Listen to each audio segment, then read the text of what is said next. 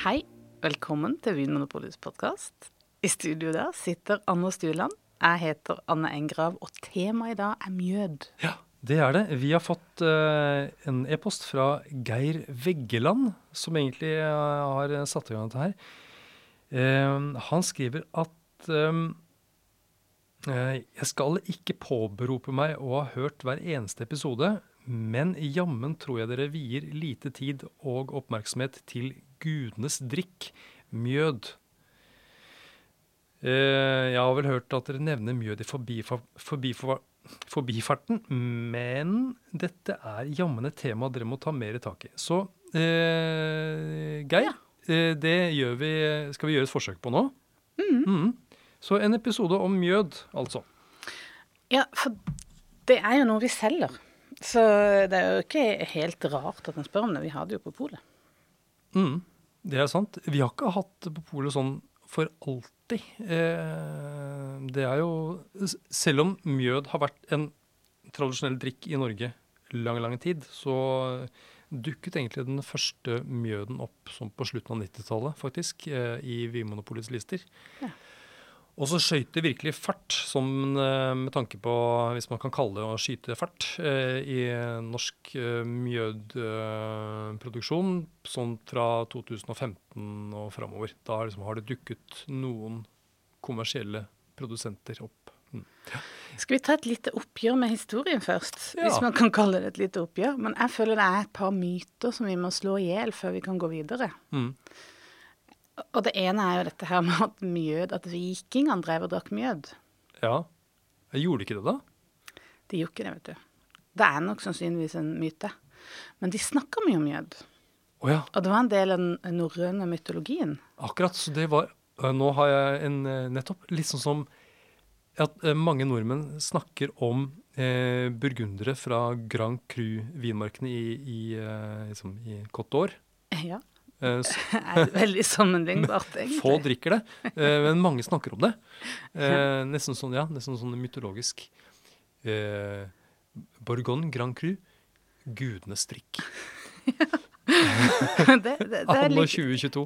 litt likt, for, fordi at vi hadde jo ikke bikuber i Norge før å, nå eh, burde jeg ha sjekka det opp en ny, men jeg mener det var oppover, oppover på 1500-1600-tallet.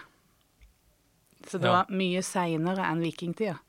Så det som var av honning i Norge, var jo da villhonning, og det var ganske lite av det. Mm. Så det som fantes av mjød i vikingtida, det fantes. Eh, men det var ikke norsk, eh, som regel. I så fall veldig, veldig liten eh, kvanta. Og honningen ble da enten importert Importert, det er jo en annen måte å si at den ble stjålet. Det var vel, tok, det var vel tokt de drev med da. Jeg har importert det var det man sa når man var viking. Ja. Ja. Mm. Så det var de eh, absolutt rikeste og mektigste som kunne liksom da drikke denne mjøden. ja, nettopp. Eh, som da var høvdingene, rett og slett. Konger og høvdinger. Ja. Eh, rikfolk. Eh, Det var øl de drakk, ja, som regel. Ja. hvis de skulle kose seg litt. For det har vært en sånn, også en sånn vanlig misforståelse at, eh, at mjød er det samme som øl. Ja. Er det ikke det? Men det er det ikke. Det er en, en helt egen drikk. Ja. Kan jeg bare si én ting til om vikingtida? ja. For jeg syns det er litt morsomt. og, og det er det at um, det, det var jo en del av den der norrøne mytologien, da. Nå er jo jeg ingen ekspert på norrøn mytologi. Eh, men eh, noen av disse sagaene som er skrevne, de er jo forstyrrende lesing, egentlig. De er jo så absurde. Og, og noe av det handler om mjød. Og det er et begrep suttungsmjød. Har du hørt, har du hørt om det? ja. Men jeg vet ikke helt hva det er. Ja, det, det, det viser til eh, en eh, Altså noe som egentlig kommer fra eh, yngre Edda. det er, nå er jeg ute av mitt vante felt. Men det er en helt absurd historie om en mann som er skapt av spyttklaser. Som het Kvase. eller kvasir, da, på, på norrøn. norrøn. Han kunne svare på alt. Og han var laget av spytt. Han var laget av spytt. En samling av spytt fra ulike guder. Og han, siden han var så utrolig klok, kunne svare på alt. Ja. Kvasir Jeg vet ikke om du husker det var en søkemotor, søkemotor. jeg husker. det. Mm. Eh, så eh, var jo han veldig populær. Blant hvem? Eh, Blant alle som vil ha svar på noe. ikke still for mange spørsmål. Men han ble drept, og blodet hans sitt ble samla opp og blanda med honning. Eh, og det ble jo til en slags mjød, da. Og de som drakk av denne mjøden, de fikk visdom. Eh, men noen mente også at det var sånn at du fikk inspirasjon til å skrive poesi eller kvad eller eh, kunstnerisk eh, bevingethet. Så det var en veldig populær eh, eh, drikk, mange som ville ha tak i det. Eh, og det var da en som het Suttung, som i en veldig dramatisk eh, historie, det må man nesten bare lese seg opp på sjøl, fikk tak i denne mjøden, og det ble kalt Suttungsmjød. Og det handler jo egentlig da om ja, kunstnerisk inspirasjon. Det var litt gøy. Nettopp. Men hva er det sånn at man eh, da sa at eh, ja, han har drukket suttungsmjød, eh, eller hun, vi- vi- hvis det er noen som har laget noe helt- kreativt? Jeg vet ikke helt hvordan det ble brukt, sånn begrep i Nei. praksis, men, men det handla om det. Veldig mye kroppsvæsker Ja. involvert. Spytt og blod og honning og Og så ender det opp i kreativt arbeid. ja. Ja, Så men det var fascinerende. ja, så det, er, det var veldig myteomspunnet, da. Ja. Jøss. Hadde eh, Ja. Mm. Ja. Eh, men det var jo ikke bare Altså, vikingene, det var jo ikke de som fant opp mjød. Nei. Eh, det- fordi eh, for biene, de fantes jo mange steder i verden. Ja, få av de her oppe hos oss, egentlig. Ja. Og, og, og sannsynligvis så har vel altså de fleste områdene i verden der det har vært bier og honning, eh, kombinasjon honning og mennesker, eh, har vel kanskje ført til eh, mjød. Eh, de første gangene sikkert eh, ved, et, eh, ved en, en tilfeldighet, men så skjønte man vel at det, liksom, det smakte godt, da. Ja, jeg har skjønt det sånn at Etiopia er et sentralt sted for mjød. Og fremdeles særlig tradisjon for mjød i Etiopia. Ja, de har jo en mjød som heter tesh. Ok. Ja, det heter det på etiopisk. ja. Mm. Og man antar jo at det var der den første mjøden dukka opp ved en tilfeldighet. Og, og med det også den første alkoholen, faktisk. Nettopp. Så dette her er, dette her er den originale alkoholen. Ja, Det er mjød, tror man. Man tror det. Og at det var villbier, da. Altså et honning... eh, Jeg holdt på å si et honningreir. Helt feil. En bikube Ja. som ble oversvømt. som var inne i et hult tre, som ble oversvømt av regnet. Og der ble det blanda med vann. Og så fikk du da eh, en søt vann, et søtt vann som begynte å gjære spontant fermentere. Og så kom det noen forbi og bare Jøm.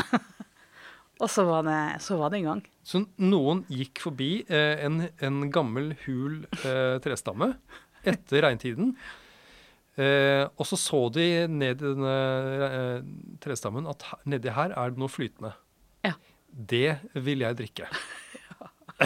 Det var nok sånn det foregikk. og de angra ikke. Nei, og jeg tenker at det, f- jeg tenker jo med en gang at eh, dette er litt ekkelt. Det er ikke sånn man gjør. Eh, bøyer seg ned og smaker på ting som er flytende, som ligger i, eh, i et sånt skogholt eller noe sånt noe. Men det er det som har skapt eh, en form for utvikling, egentlig, i, Ja. i vår kultur. Det å smake på ting som eh, man ikke har smakt på før. Det er ikke det at jeg liksom skal anbefale at folk skal gå rundt og smake på ting som eh, man ikke pleier å smake på, men, men kanskje vi går glipp av ting med også eh, Ja, men det kan jo også være at kanskje fetteren da gikk forbi en annen stamme og smakte på det, og, og ikke overlevde. Ja. Så det er jo litt flaks inne i bildet her òg, da. Mm, det er sant. Og så er det jo ikke sikkert at det var akkurat sånn det skjedde. jo, kan vi ikke si det? Og sånn det skjedde. Ja.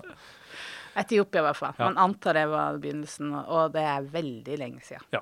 Så Etiopia de har jo da egentlig hatt en levende mjødtradisjon, eller tesh-tradisjon, i, eh, i, som helt siden denne første eh, oversvømte trestammen. Mm.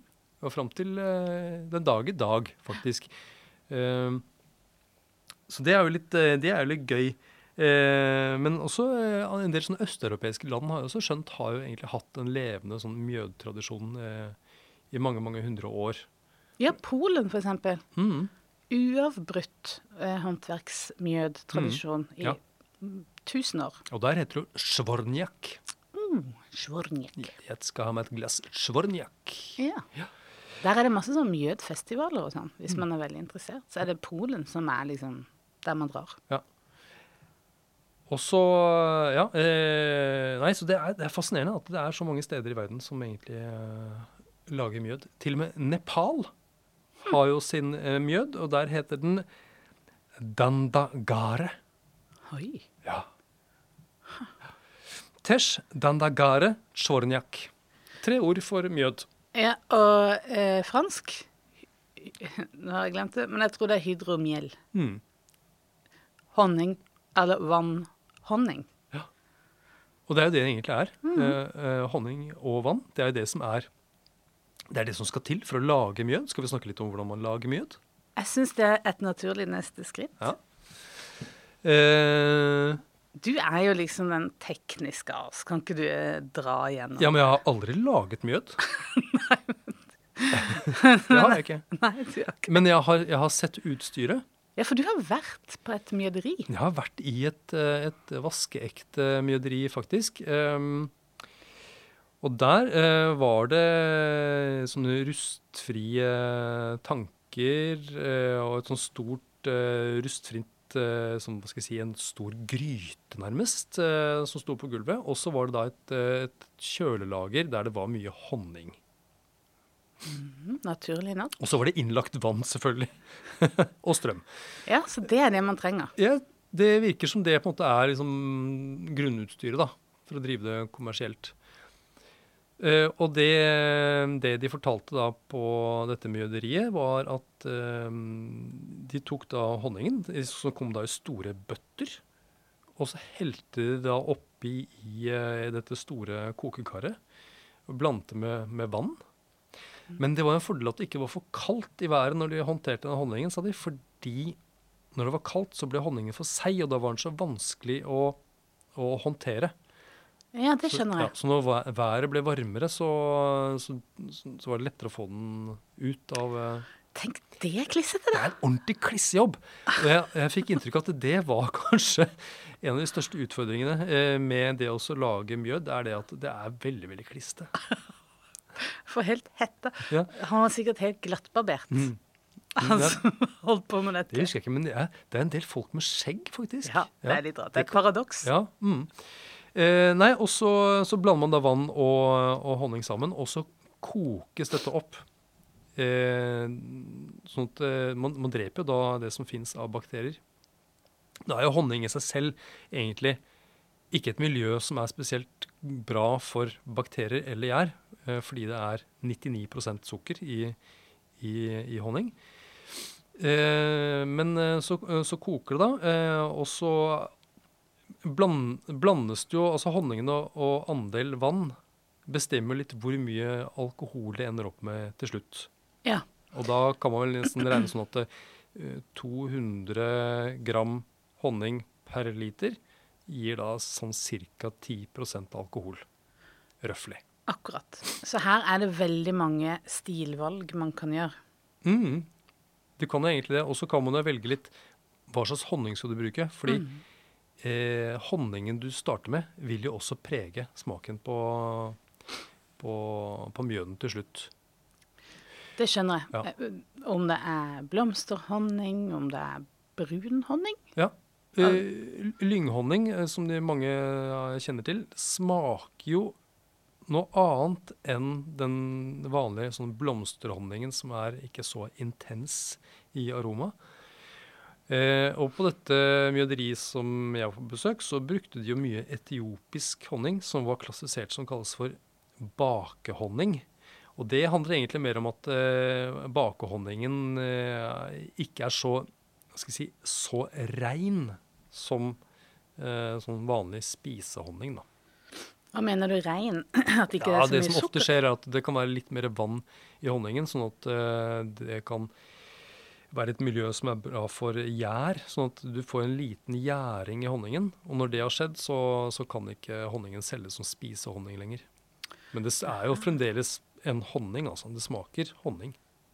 Fikk du smake på den honningen? Ja, det gjorde jeg. Den hadde en veldig sånn utpreget nøttesmak. Jeg er veldig glad i nøtter, så jeg syns den var veldig god. Eh, nesten litt sånn mer sånn karamellisert hint av kaffe, eh, vil jeg si. Ja, sånn mer sånn, En litt sånn dypere, mer karamellisert smak enn det som jeg tenker på som en sånn typisk norsk honningsmak. da. Det var da den etiopiske bakehonningen.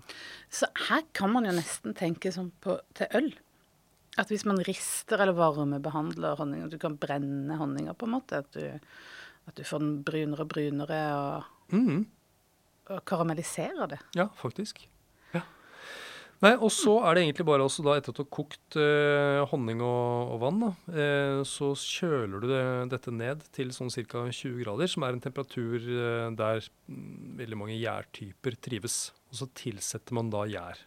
Og da er det egentlig ganske mange forskjellige gjærtyper man kan bruke, men det bør være en gjær som er robust, som man sier. En litt levedyktig gjær. Og grunnen til det er jo Eh, både fordi at eh, alkoholen eh, gjerne blir høy i en del eh, eh, mjød, men også fordi at det er lite nitrogen i honning.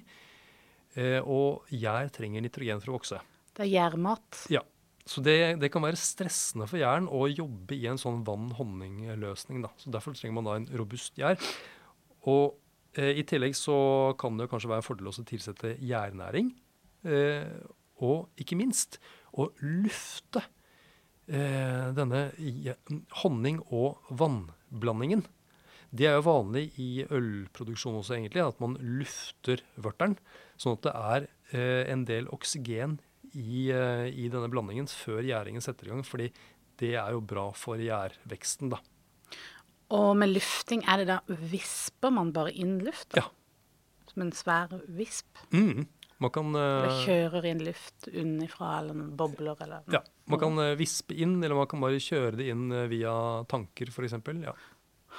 Eller bare pumpe det, pumpe det ut av tanken og så ned igjen via en sånn form for en dusj. Ja, det fins forskjellige metoder. Så vi var jo inne på dette med at eh, mjød ikke er øl, selv om det kanskje er åpenbart for de fleste. Men, eh, men det er dette her med eh, gjæringa, at den har Sukkeret ligger helt eh, tilgjengelig. Du trenger ikke gjøre noe med eh, honningen for å få den til å begynne å gjære. Sånn sett ligner det jo mer på vin, altså druemost og eventuelt eplemost. Ja, er vin og sider. Ja, det er sant. Du slipper jo å meske, sånn som du gjør i, eh, i ølproduksjon. Mm. Mm. Nei, så det har jo noen likhetstrekk både med øl og med, og med, med vin, kan man si. Ja. Det har kanskje alt som er gjæra.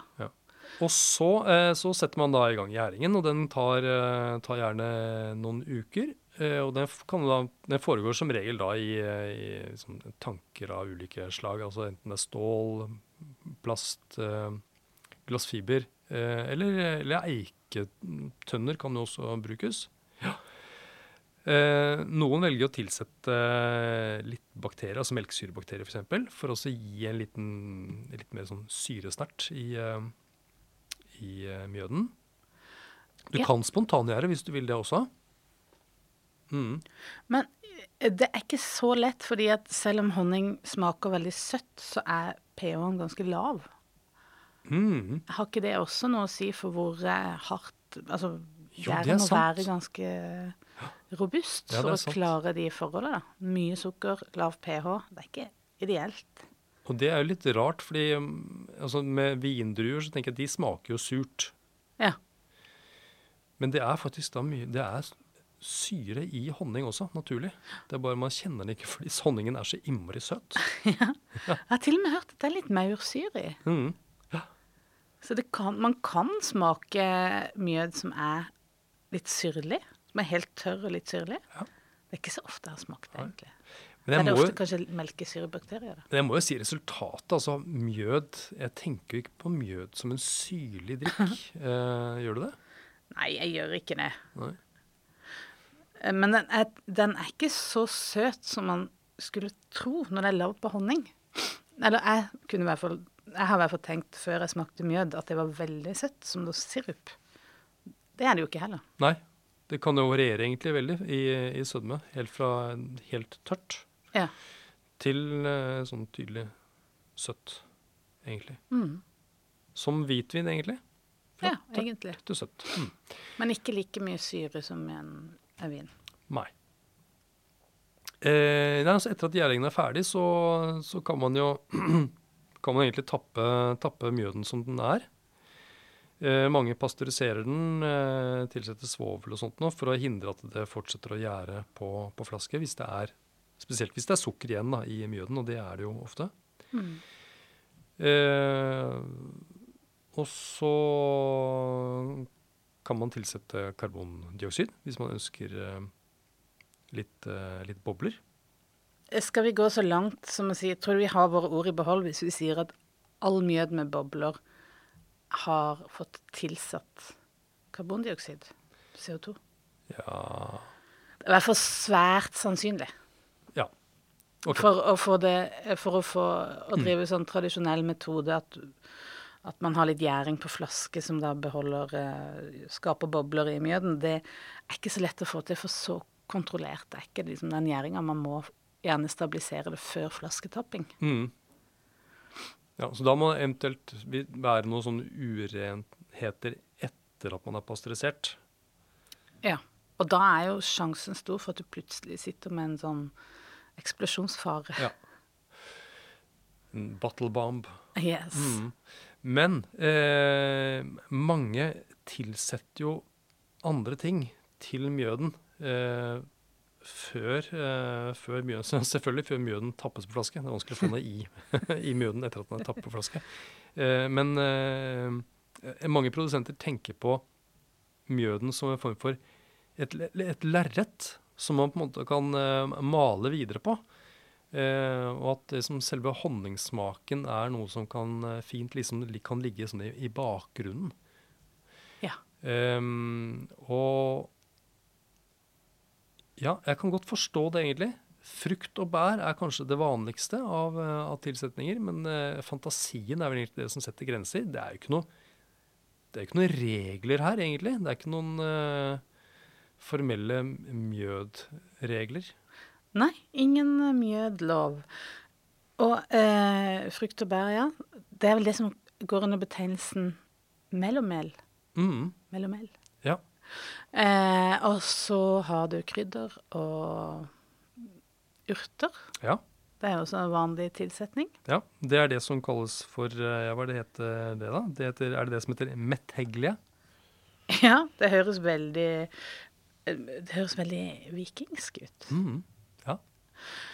Og, og hvis du blander, for det er jo heller ikke helt uvanlig Hvis du blander uh, urter og krydder og, eh, og frukt og bær oppi mjøden, ja. så blir det mellommel. Da er det frukten som trumfer. ja er det det? ja, ja. det er en slags I hvert fall praksis, da. ja. Mellommel det, og hydromel også Jeg husker at jeg på sånne franske sånne eh, torg, der det liksom er sånn markedsdag, Ja. der liksom lokale bønder eh, kommer inn. Det var ganske ofte at det var både hydromel og, og mel og mel, husker jeg. Mm. Hmm. Ja. Eh, braggot er jo også et eksempel på en, en sånn blandingsmjød. Eh, og der er det jo da malt, altså, så det blir jo da en, en form for blanding mellom øl og mjød. Ja, nettopp. Da, Braggot. ja, så det som heter sizer, som da er en blanding mellom sider eller eple, eplejus og mjød. Og pyment. Ja. Da har du blanda inn vin. Mm. Men det høres ut som sånn fantasiord fra en eller annen sånn fantasybok. synes jeg. Sizer og piment, ja. Det høres ut som, eh, som, som noen av alvene i, eh, i eh, Ringenes herre. Jeg tenkte Braggot, det er en sånn hobbit-drikk. ja. Og i, i Harry Potter, der drikkes det jo mye mjød blant trollmennene. Det er liksom det flotteste. ja. Så det dukker opp. Det er fremdeles litt sånn mytisk drikk, tror jeg. um, men hva skal si, denne, denne streite, rene eh, mjøden, Ja. eh, som bare er vann og honning, eh, den kalles ofte tradisjonell, tradisjonell mjød, eller showmead. Ja. Eh, egentlig på en sånn, sånn moderne navn på denne typen eh, mjød, da. Eh, og da er spørsmålet Man starter med honning. Eh, og så Hva er det man ender opp med? Fordi når man lager øl eller, eller vin, så skjer det jo en, en foredling. Eh, det smaker jo ikke druesaft av en ferdig vin. Eh, er, det, er det sånn med mjød også? At en, eh, en vanlig tradisjonell mjød, som bare da består av vann og honning, har den fjernet seg mye smaksmessig fra råvaren, altså honning? Eh, ja, den har jo det, men det er vel egentlig nesten sånn at jeg opplever at råvaren forsvinner helt. Det er ikke så lett å kjenne honningen i mjøden. Selv i en, hånd, altså selv i en sånn mjød som ikke er tilsatt andre ting? Da kan du kjenne det, kjenne aromaen, men den er ikke sånn den, Hvis den er bare ja, en sånn showmiddag, en sånn tradisjonell mjød, da er det jo svakere enn utgangspunktet. Så den har jo blitt liksom lenger vekk fra råvaren, ja, men eh, ikke kanskje foredling. Nei, altså, jeg, er litt, jeg er litt enig. Det er nesten som man eh, Ja, man har blandet ut honningen. Så den har blitt svakere, som skrur liksom volumkontrollen litt ned. Ja. Men man kjenner mange av de samme hva skal jeg si, sånn typiske honningaromaene som, som går i en sånn retning av kløver og noe litt sånn karamellisert sukker og noe litt sånn hint av noe litt sånn krydret og ja, og sånne fine sånne blomsteraromaer. Eh, men, men det er bare liksom litt tonet ned. Og så er det det med sødme, da. At en mjød kan jo være nesten tørr. Ja. Mens den opprinnelige råvaren er jo intenst søt. Ja. Og det tenker jeg er jo en stor endring. Men det er mer at det er noe, mer noe som har blitt borte. Og det er ingenting som er, Jo, alkohol har man fått lagt til.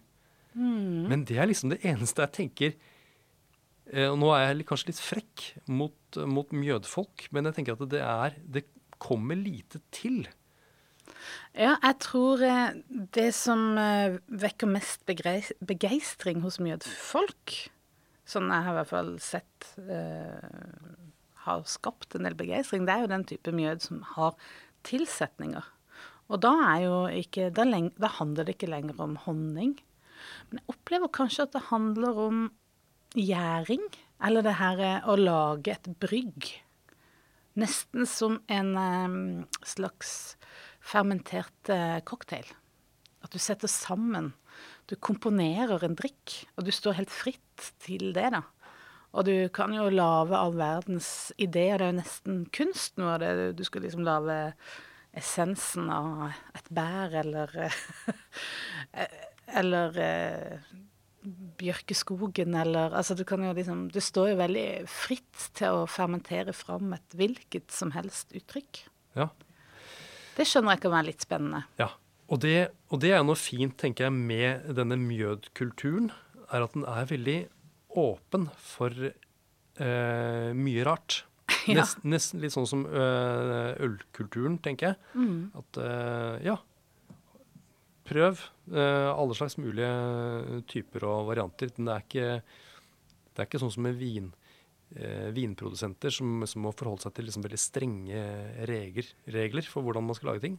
Det er mye forskjellig som finnes, og det er mye som fremdeles ikke har blitt laget, kanskje, av mjød. Ja, det vil jeg nok si. Og det er nok eh, i hvert fall Som jeg har hørt fra eh, våre produktsjefer, at det er mye av de samme, den samme kundegruppa eh, som vi har til øl. At det er der det er lettere å ta et skritt videre. liksom det er den, De som blir veldig interessert.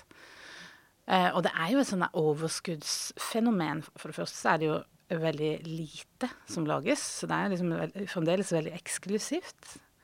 Og det er ganske så dyrt. Det er høye priser på små flasker. Eh, for det koster mye kostbar produksjon.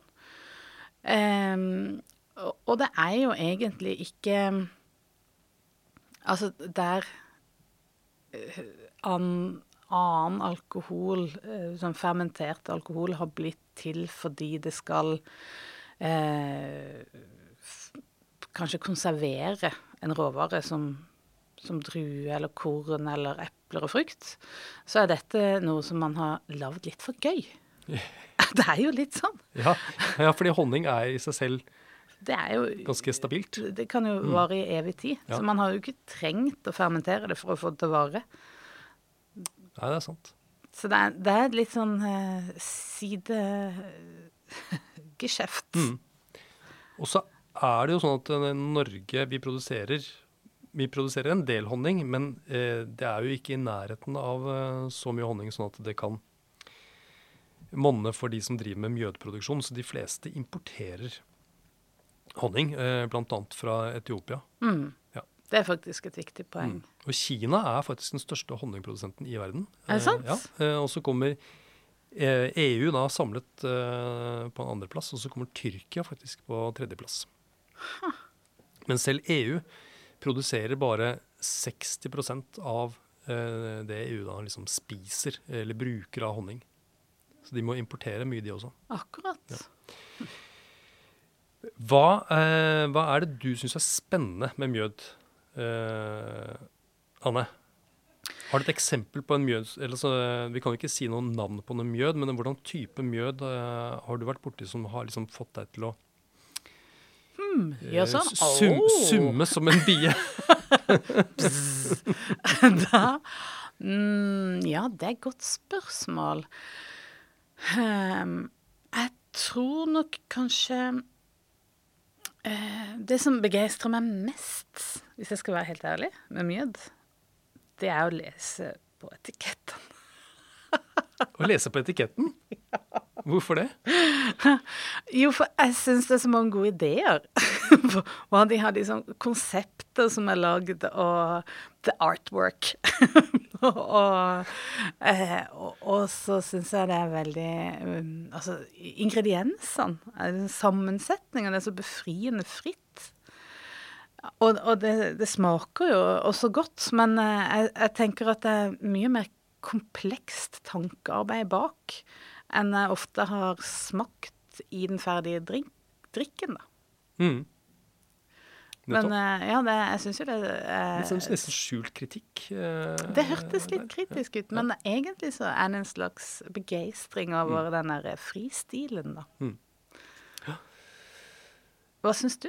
Eh, jo, jeg må jo si at eh, jeg syns nok personlig at det er mye mer spennende med disse mjødene som har et sånn tydelig innslag av eh, noe mer enn bare honning.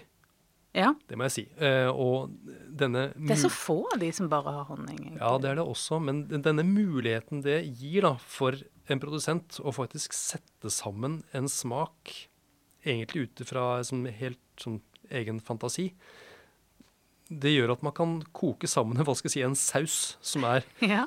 Ganske både intens og kompleks. Eh, eller velbalansert, for å bruke et sånt uh, ord også. Eh, og jeg har vært borti mjød som har en sånn blanding av altså, ferske, gode bringebær og, og mjød, f.eks. Som var også veldig, veldig flott. En frisk, delikat drikk. Um, og så har jeg vært borti mjød som har vært liksom, intenst og rikt, som en sånn nesten som, som PX sherry. Ja. Eh, som er sånn bunnløs i aromaen, og en ettersmak som bare er sånn som bare varer og varer. Hvor liksom alt er bare pakket sammen som en sånn Nesten som en sånn tett kake. En sånn god kake med liksom lønnesirup, kaffe, sjokolade, vanilje, honning, nøtt Altså ja. Eh, hvor jeg kanskje ikke klarer å Den fikk jeg litt lyst til å smake, Anders. Ja, den, nettopp. Ja, men det er bra. Eh, eh, hvor jeg kanskje Hadde jeg fått den drikken blindt, så hadde jeg ikke sagt at aha, dette er mjød. Fordi honningen hadde bare vært en liten, eh, eh, liten del av det. Ja. Men det, er allikevel, det var allikevel en mjød. Og som en drikk var det eh, både godt og spennende. Jeg skjønner nå at jeg har ikke smakt så eh, mange mjød, eh, og det har jeg veldig lyst til. For jeg liker også den derre stilvariasjonen, hvor utrolig mye forskjellig det er. Man har en sånn idé om en eh, honning eh, sånn skummende honningdrikk. Eh, er liksom det jeg ser for meg. Litt sånn hårrekten, hardballende horn. Ja. Eh, og så er det så utrolig eh, mye mer og forskjellig. Ja. Det er bare hvis man får tak i det, for det er jo ganske lite. Sjelden vare. Ellers kan man begynne med bier selv, da. Og jeg tror faktisk ikke det er så veldig vanskelig å lage mjød heller på kjøkkenbenken. Er det bare bier som er Humler lager vel også øh, honning, gjør de ikke det? Det har jeg alltid lurt på, men de bor jo ikke noe sted, så de lagrer det vel ikke. Bor ikke honning Nei, eh, bor ikke humlene noe sted? Gjør de Fins det? det humlebol, er det ikke det? Gjør de det? Det, vet Ja, det dette tror jeg. kan jeg ingenting om. Eller hva med mygg? Lager de honning? Nei, de lager ikke honning. Mygghonning? Det er blod, det. Nei, det får bli neste episode. Ja. Takk for at du hører på Vinmonopolets podkast. Har du forslag til et tema i podkasten? Send mail til podkast at vinmonopolet.no. I tillegg svarer kundesenteret deg på e-post, chat og telefon.